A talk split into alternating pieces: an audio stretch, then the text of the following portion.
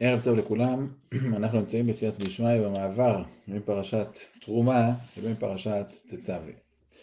אה, אני רוצה להתחיל עם מדרש שהוא לא קשור דווקא לפרשת השבוע שלנו, אבל אה, ראיתי אותו בספר בית אהרון מקרנים שהוא שולח למדרש הזה.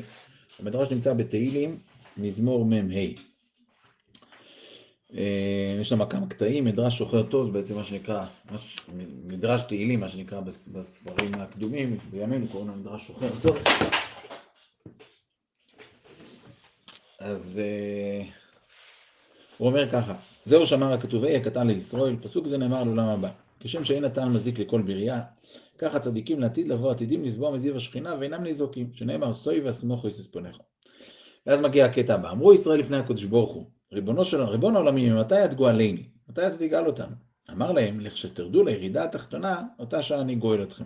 כמו דאמר, כמו שנאמר, ונקבצו בני יהודה ובני ישראל יחדיו, ושמו להם ראש אחד. זה בעצם הפסוק בהושע פרק ב'. אמרו בני עיר קורח, בירידה התחתונה אנחנו, כמו שדאמר, כי שוכו לא עופר נפשנו, מה כסיב אחריו, קומו עזרו לנו. אמר להם הקדוש ברוך הכל תלוי מכם. כשם שהשושנה הזו מפרחת וליבה למעלה, אף אתם תעשו תשובה לפניי ויהיה לבבכם מכוון למעלה כשושנה הזאת. באותה שעה אבי גואל, שנאמר יהיה קטן לישראל, ומתי? כשיפרח כשושנה. לכך נאמר למנצח על שושני. בעצם הוא אומר ככה, כשעם ישראל יגיע למצב של שפל המדרגה, כשיגיע למצב של, של, של, של בושה וחרפה, אז יהיה מצב של, כשיגיעו, כשירדו למדרגה התחתונה, דווקא משם הקדוש ברוך הוא יגאל אותנו. וזה כמו, כמו שהזכרנו, לא אחת ולא שתיים, את דברי הנביא בהושע, שמדבר במפורש על התקופה שלנו, על פי דברי התרגום יונס ומנוזיאל, שמדבר על הפסוק הזה, ונקבצו בני יהודה ובני בני ישראל, שהוא מדבר על הזמן של אחריס היום, הוא אומר מפורש, עם ישראל יחזור מן הגלות, שם מן גלוס זה, עם ישראל יתכנס מן הגלות והוא יחזור לארץ ישראל. אבל בארץ ישראל הוא יהיה עסוק בדברים טובים כאלו ואחרים, חלקם יהיו עסוקים בדברים פחות טובים, אבל גם מי שיהיה עסוק בדברים טובים לא יהיה עסוק בדבר שבו באמת צריכים לעסוק. ופה בימינו אנחנו נמצאים במצב הזה, כולם רואים את זה, אפשר לפתוח את זה ולראות את זה בחוש. תסתכל מה זועקים לך בכותרות העיתונים, על מה? על זה שלקהילה הזו יהיה נציג בעיר ההיא, ופה יהיה ראש עיר מהקהילה הזו, וכולי וכולי וכולי. בלי לזלזל בשום דבר, באמת, לא, לא חושב שזה דבר שצריך לזלזל בזה, ולא חושב שזה אסור, ולא לא נושא פה עם ה... אבל הנושא, מה, מה הרצון, מה התשוקה שלנו, מה החשק שלנו, האם החשק שלנו של העיר פלונית יהיה ראש עיר בקהילה מסוימת, וכאילו זה יהיה באמת, אה, לזה כלל ישראל חיכה כל כך הרבה שנים. ולקהילה, וברשות עיריית ירושלים יעמוד יהודי שאומר תורה מצוות, מן המהדרין מהמהדרין, ויהיה לקהילות החרדיות, יהיה רוב מוחץ במועצת העיר. וכי זו הציפייה שלנו. לא יצויר שזה יקרה.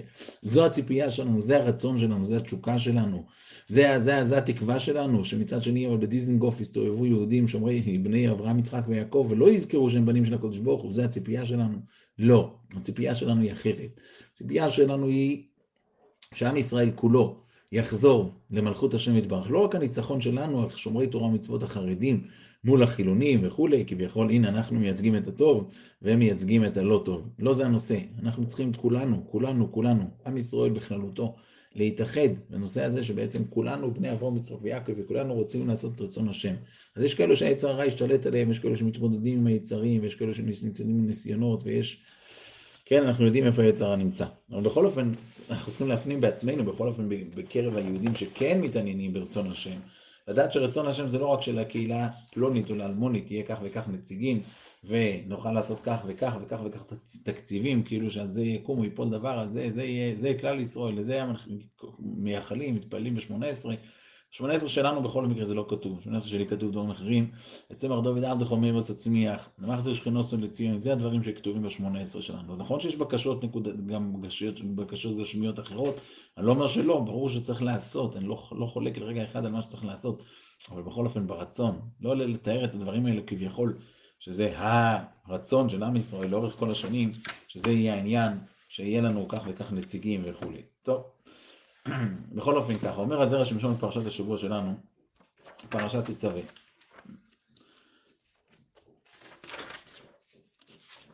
כתוב בפסוק בגמרא, כתוב בפסוק לעתיד לבוא, ושמתי קדקוד שמשותייך. אז אומרת הגמרא בבבא בסרי, שנחלקו בזה שני תנאים, שני המוירואים. אחד אמר דשוהם, ואחד אמר די יושפי. זאת אומרת, השערים של ירושלים לעתיד לבוא יש מאן דאמר שאומר שזה יהיה משוהם, יש מאן דאמר שזה יהיה מישפה. אומר הקדוש ברוך הוא לוי כדין וכדין. שיהיה גם שוהם גם ישפה.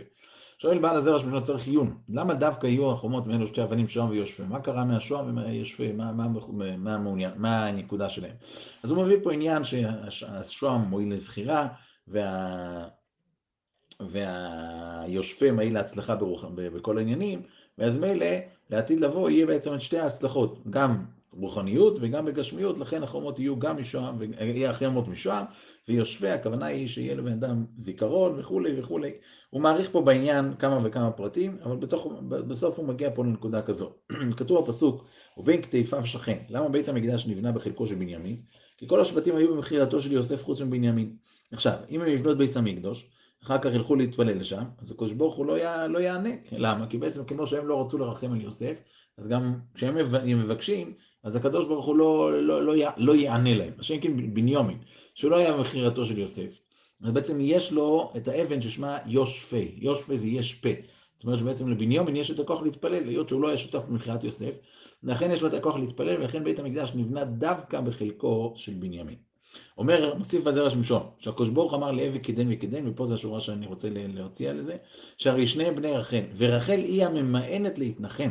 והכתוב אומר, ענייה סוהרה לא נוחמה, וההמשך של הפסוק, ושמתי קדקוד שמשותייך כנגד שני בנייך. זאת אומרת, אומר, אומר ככה, מי שממאן להתנחם, הוא זה שיזכה לשמתי קדקוד שמשותייך. זאת אומרת, למה רחל, למה לעתיד לבוא ירושלים תהיה מאבני שוהם ויושבי, שזה אבנים של יויסף ובניומין, מכיוון שיוסף ובנימין הם בנים של רוכל, ורחל אמנו היא זו שעליה נאמר מענה להנחם על בניה כי איננו, זאת אומרת היא לא מסכימה לוותר, היא לא מסכימה לשבת ולהתייאש ולהגיד טוב, אנחנו נמצאים בגלות אז בוא נראה איך נתארגן, ובוא נראה איך לעשות, ובוא נראה איך להתיישב מה שנקרא במצב הזה, לא, אם יענו להנחם על בניה כי איננו, לא מוותרת לריבונו של עולם, היא ממשיכה לבכות שוב ושוב דווקא היא זו שתזכה שירושלים תיבנה משום ויושפה של מי שלא ויתר. מי שלא ויתר, מי שלא נכנע למצב ולא אמר, טוב, אנחנו בגלות, אז בואו נשלים מהמצב ונשב רגל על רגל ונתייאש מהמצב, נתייאש ונראה מה שנקרא איך להתארגן במצב של הגלות. לא, אנחנו צריכים כל הזמן לא לשכוח את הנקודה. אומרת לנו התורה הקדושה בתחילת הפרשה, ויקחו אליך השם אזי זוך, כוסיס למויר להעלות נר תמיד. כותב רבנו בחיי, הדברים כתובים בכמה וכמה ספרים, אבל בואו נקרא את לשונו. ובמדרש, כתית זה מקדש ראשון שעמד ת"י שנים, מקדש שני תכ שנים. המילים כתית זה צירוף של כ"ת וי"ת. בית המקדש הראשון, כידוע לכולנו, עמד 410 שנה, בית המקדש השני עמד 420 שנה. המדרש הזה ירמוז, זה שני מקדשים והיה ראוי לרמוז גם בשלישי העתיד. תוך כדי הדברים אני נזכר בנקודה שאני חושב שמשמיים הזכירו לי את זה עכשיו כדי שנדבר על הנושא הזה. הגמרא אומרת במסכת, אה, אני לא זוכר איפה זה כתוב, על, על זה שבשוב השם, כמדומני בתענית. הגמרא אומרת שחויני המעגל, הרי הסתפק בשאלה, האם יכול, כתוב בפסוק, בשוב השם ישיב הציון, הואינו כחויל מי, אז הוא אמר, וכי יכול להיות שבן אדם ישן 70 שנה, בעצם גלות, בין גלות בבית ראשון לבית שני, עבר 70 שנה, האם יכול להיות שבן אדם יהיה כחולם 70 שנה? ואז הגמרא מספר את הסיפור הידוע, שחוני המעגל הלך עם הפרידה שלו, עם החמור שלו, והוא נרדם, וצמחה סביבו שן סלע, סיפור מוכר עם, עם העץ חרובים שהוא ראה, ראה את האדם ששותל, והוא שאל אותו, למי אתה שותל? אז הוא אמר לנכדים, שותל לנכדים שלו, גם הוא לא מצא את העולם ריק. וגמרא מוכרת שחוני המעגל נרדם וישן 70 שנה, ואז שהוא התעורר, הוא אמר, אה, ah, הנה, עכשיו הוא ראה שיכול להיות מצב, ושוב השם ישיב הציון הועינו כחולים. ככה מופיע הסיפור בבבלי. בירושלמי מופיע הסיפור הזה עם איזשהו שינוי קטן ומאוד מאוד דרמטי. הירושלמי מספר את הסיפור שלא קרה סתם בתור דוגמה, זאת אומרת בעצם חוני המעגל רצה לדעת האם יכול להיות כזה דבר, ומשמיים הראו לו שהנה יכול להיות כזה דבר. הירושלמי מספר את הסיפור בצורה הבאה. חוני המעגל היה בבית ראשון. הוא היה בבית ראשון, והוא נרדם, אותו סיפור של הבבלי, אבל הוא נרדם בסוף בית ראשון, הוא התעורר, הוא מצא את עצמו בבית שני. אז התקיים בו כפשוטו, בשוב השם ושיב אז ציון, הנה ככל ילמים, זאת אומרת, לא רק זה, לא רק דוגמה שיכול להיות מישהו שיחושן 70 שנה, אלא במציאות חוני המעגל ישן את כל משך זמן הגלות. הווה אומר שיכול להיות מצב שיש גולוס, ויכול להיות מצב שעם ישראל הלך ורחמנא ליצלן, אבל יש מישהו אחד שיושן, והוא לא שם לב שכביכול יש גלות, הוא נרדם בבית ראשון, והתעורר בבית שני, ככה אומר הירושלמי, והדבר הוא פלא פלאים.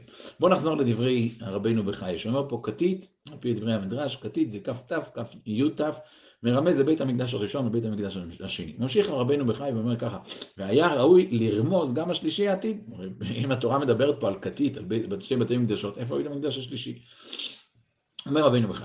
אבל ייתכן לומר כי המדרש הזה, אפשר שירמוז על המקדשים שהיה זמנם קצוב, ולפי ששניהם עתידים להיחרב ולהיותם מרמס, לכך נאמר הרמז בשניהם בלשון כתית, שהוא לשון כתישה ומרמס, כתית, בית המקדש הראשון נחרב, בית המקדש השני נחרב גם הוא, אבל בית המקדש השלישי, הבית השלישי העתיד, אף פי שלא בא בחשבון, לפי שאין זמנו קצוב, הנה נרמז במילת למאור. והוא כלשון קומי אוירי כבוא אוירך. והוא הבטחה בבית השלישי בחזרת השכינה. והוא שאמר דוד המלך עולם השולם השם אוירי ואישי. ואומר אויד כל השם וירא לנו. ולפי שאין זמן לעמידת בניינו, אבל הוא עומד לעד לעולם. לכך אמר להעלות נר תמיד, כלומר כמעלתו תמידית ושוב אינה פוסקת. אז שוב, הזכרנו שבוע שעבר איזה נקודה, ואני לא רוצה להיות מחשב קיצים, אבל הזכרנו שבוע שעבר שהמילים ושוכנתי שכתוב בפרשת השבוע, שקראנו פרשת תרומה, וגם בהפטרה של פרשת השבוע, ושכנתי בתוך בני ישראל, הגימטריה שזה תשפ"ו, וכפי שהזכרנו את העניין של תשפ"ו, כי יש בזה עניין מסוגל, שאנחנו מאוד מאוד מקווים שכבר, עוד לפני זה כבר נזכה להיות בעזרת השם בבית המקדש. אבל בואו נשים לב גם פה, באותו פסוק, קוסיס למויר, אומרת לנו התורה, כתית למור, בית המקדש הראשון נחרב, בית המקדש השני נחרב. אבל אחר כך יגיע לשלב של להעלות נר תמיד. אבל נשים לב לגימטריה של המילים להעלות נר, לפי איך שזה כתוב בתורה, להעלות, חסר. נר זה יוצא בגיבטריה תשפ"ה. אז אנחנו מאוד מאוד מבקשים, ושוב, אנחנו לא מחשבי קיצים, כי זה לא תפקיד של יהודים לחשב קיצים ולהגיד, זה, הנה, ביום זה וזה הולך להיות ככה וככה. ממש לא, זה לא תפקיד של יהודים. אבל התפקיד שלנו כן לצפות ולייחל ולהשתוקק לזה, לזה אנחנו צריכים להשתוקק. לא לחסיד, שלחסידות פלונית יהיה 20 אלף איש, או 5,000 איש, או 3,000 איש. זה לא הנושא שלנו בכלל. הנושא שלנו זה לאלו יסנר תומית, לצפות למלכות השם יתברך בעולם. שכל היהודים יתכנסו בביס המקדוש, כולם ללא יוצא מן הכלל. זה הציפייה שלנו, זה הרצון שלנו, זה התשוקה שלנו, לאן לא ישנר תומית. ורק אני אתקן פה איזה עניין ששבוע שעבר דיברתי בשיחה, ואחר כך הרב לורי יעיר על הדברים, אז הדברים לא הובנו מה שאני אמרתי. אני לא אמרתי שזה מוצאי, שאנחנו עכשיו נמצאים בשביעית מלחמות. אמרתי מה שכתוב בדברי חז"ל, שבמוצאי שביעית בן דוד בא. אז עכשיו שנת השביעית הייתה תשפ"ב, ושנת תשפ"ג עברה וכאילו כביכול שום דבר לא קרה. אבל ברגע האחרון שעדיין שייך לשנת תשפ"ג, שזה בעצם כמו שהפסוק אומר בפרשת משפטים, שחג האסיף תקופת. בצאת השנה, זאת אומרת חג הסוכות עדיין שייך באיזשהו מקום לשנה שעברה, כמו שהגמרא אומרת במסכת ראש השנה, אז בעצם היום האחרון שעדיין שייך לשנת תשפ"ג, אמרתי בתוך הדברים בטעות תשפ"ב, אבל הכוונה הייתה על תשפ"ג, שבעצם היום האחרון ששייך למוצי שביעיס, שזה יום שמחת תורה, היום האחרון של חג הסוכות, אז מתחיל האירוע שאנחנו נמצאים בו, והאירוע הזה עדיין מתגלגל, והוא עדיין לא מסתיים, וכל מי שעיניים בקודקודו רואה שהמצב לא הולך לשום מקום להיות יותר רגוע, אלא אדרבה, הולך להיות יותר לחוץ. והעניין הוא כי בעצם הקדוש ברוך הוא רוצה להחזיר אותנו, והקדוש ברוך הוא עושה פה ניסים לעם ישראל בכל הכיוונים, מכל הכיוונים ובכל העניינים. אבל התפקיד שלנו בתור יהודים זה פשוט לבוא ולבקש ולהגיד כן, שבעיתונים לא יכתבו לנו שאם בקהילה הזו יהיה כך וכך נציגים ופה יהיה כך וכך אה, אה, אנשים כאלו וכאלו שהצביעו בשביל החסידות הזו או למפלגה הזו כביכול, על זה, זה יהיה גאוותנו, לא, ממש ממש לא. הגאווה שלנו תהיה כשעם ישראל יחזור לבית המקדוש, זה הגאווה שלנו, זה התשוקה שלנו וזה הרצון שלנו. וישנו וורט בפרשת השבוע שלנו, פרשת תצווה, שאני מאוד מאוד מחובר אליו, דברי החתם סופר, החתם סופר ומשה רבינו אומר, הקדוש ברוך הוא אומר למשה רבינו, ואתה תדבר על כל חכמי לב, אשר מלהיטיב רוח חוכמה. שואל החתם סופר, מה זה הכפל הלשונות האלה? ואתה תדבר על כל חכמי לב, אשר מלהיטיב רוח חוכמה. אומר החתם סופר, שעל פי דברי חובות הלבבות, חובות הלבבות כותב שהקדוש ברוך הוא נתן לכל בן אדם כוחות מסוימים, יכולות מסוימות, אבל בן אדם מכיוון שהוא נמצא בתוך עצמו, הוא לא מרגיש את היכולות, הוא לא מרגיש את הכוחות, הוא לא מרגיש שזה משהו מיוחד. בסדר, לי יש כאלו נתונים, לפלוני יש כאלו נתונים, הוא לא שם לב שזה משהו מיוחד. עכשיו, אם מישהו יבוא מבחוץ ויגיד לו, יהודי יקר, שים לב, יש לך יכולות, תנצל אותם, תעשה אותם, אז הוא אומר, זה אדרבה, זה יצליח, וזה יתפתח, וזה יפרח, וזה יעלה כמו שצריך. אם אף אחד לא יבוא ויגיד לו שום דבר, אז זה ירכיב, וזה פשוט ילך למצולות ים, אף אחד לא, לא יעשה עם זה שום דבר מועיל. ואולי כאן בנותן טעם לספר סיפור, אני מקווה שהסיפור לא יארך מדי הרבה זמן, אבל הסיפור עצמו כשעצמו הוא סיפור שמאוד מאוד שווה ומאוד מאוד מחזק יהודים. היה יהודי בירושלים עיר הקודש, קראו לו בעל הלשם, סבו, סבו של הרב אלישיב, בעל הלשם שובו ולחמה, הוא כתב ספר ידוע, גדול מאוד, ספר בקבלה. כאשר הלשם היה בן 90 ומשהו, הגיע לבקר בירושלים אחד מעשירי העיר בגדד. והסתובב ברחובות בבתי ירושלים, אצל גדולי, גדולי ירושלים. הוא מגיע לבית של הלשם, והוא רואה על השולחן מונח ספר. הוא רואה את הספר, אומר, ספר לשם שוב והחלמה. ואז הוא אומר לרב, רק כבודו חיבר את הספר הזה? אז הוא אומר לו, כן. אז הוא אומר, אני יכול לספר לרב סיפור? הוא אומר לו, תספר. אז הוא אומר, הספר הזה הגיע לבגדד לפני 50 שנה, הגיע לרבנו בעל הבן איש חי. הספר הגיע ככה בשעות אחרי צהריים, ובן איש חי שקע בספר, היו צריכים לבוא להזכיר לרב, כבוד הרב, הגיע הזמן למנחה ערבית. התפלל לרב מנחה ערבית, חזר לחדר, ושקע בלימוד הספר עד הבוקר. היו צריכים לבוא ולהזכיר לו, רבה, הגיע הזמן להתפלל שחרית. בשעות אחרי צהריים קרא הבן איש חי לראש הקהל של, של, של העיר, ואמר לו, תכין הכנסת ספר תורה. אמר לו ראש הקהל, כבוד הרב, אין פה ספר תורה חדש, לא שמעתי שמישהו תרם ספר חדש. אמר לו הרב, הספר הזה זה כמו ספר תורה. טוב, כבוד מעמדו של הבן איש חי הגדול מאוד, והרב אמר, הרב אמר, עושים הכנסת ספר תורה, רקדו עם חופה ולפידים ותזמורת ברחובות העיר בגדד, הכנסת ספר תורה לספר לשם. ככה מספר הגביר לבעל הלשם. והוא מספר את הסיפור ובעל הלשם בוכה. הוא אומר, כבוד הרב, אני מצייר את הרב? הוא אומר, לא, תמשיך. הוא מספר, והרב ממשיך לבכות עוד יותר ועוד יותר. הוא שואל את כבוד הרב, למה הרב בוכה?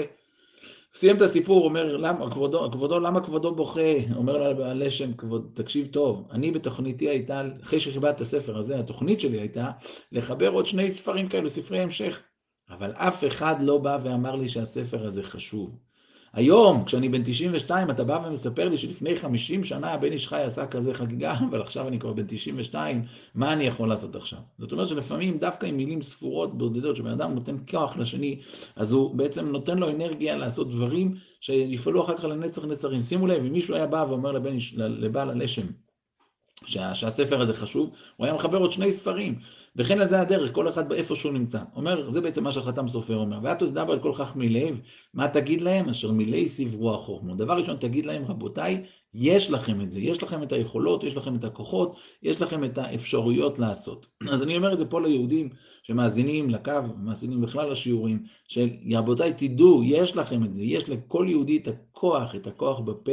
לבוא לבקש, הקדוש ברוך הוא מחכה ליהודים שהוא ברא ב-2024, כן, הוא לא מצפה עכשיו ליהודים של תקופת התנועים ותקופת המוירואים, הוא יודע שאנחנו נמצאים איפה שאנחנו נמצאים, בתוך מה שאנחנו נמצאים, ובדיוק ליהודים האלה הוא חיכה, ובדיוק ליהודים האלו הוא אמר שאחר יושבו בני ישראל, וביקשו את השם אלוהיכם ואת דוד מלכו, אל היהודים האלו של התקופה שלנו, אליהם הוא דיבר, ולהם הוא מחכה. אז זה התפקיד של כל אחד ואחד מאיתנו, זה פשוט לפתוח את הפה ולבקש את זה, ריבונו של עולם, אנחנו רוצים לחזור הביתה.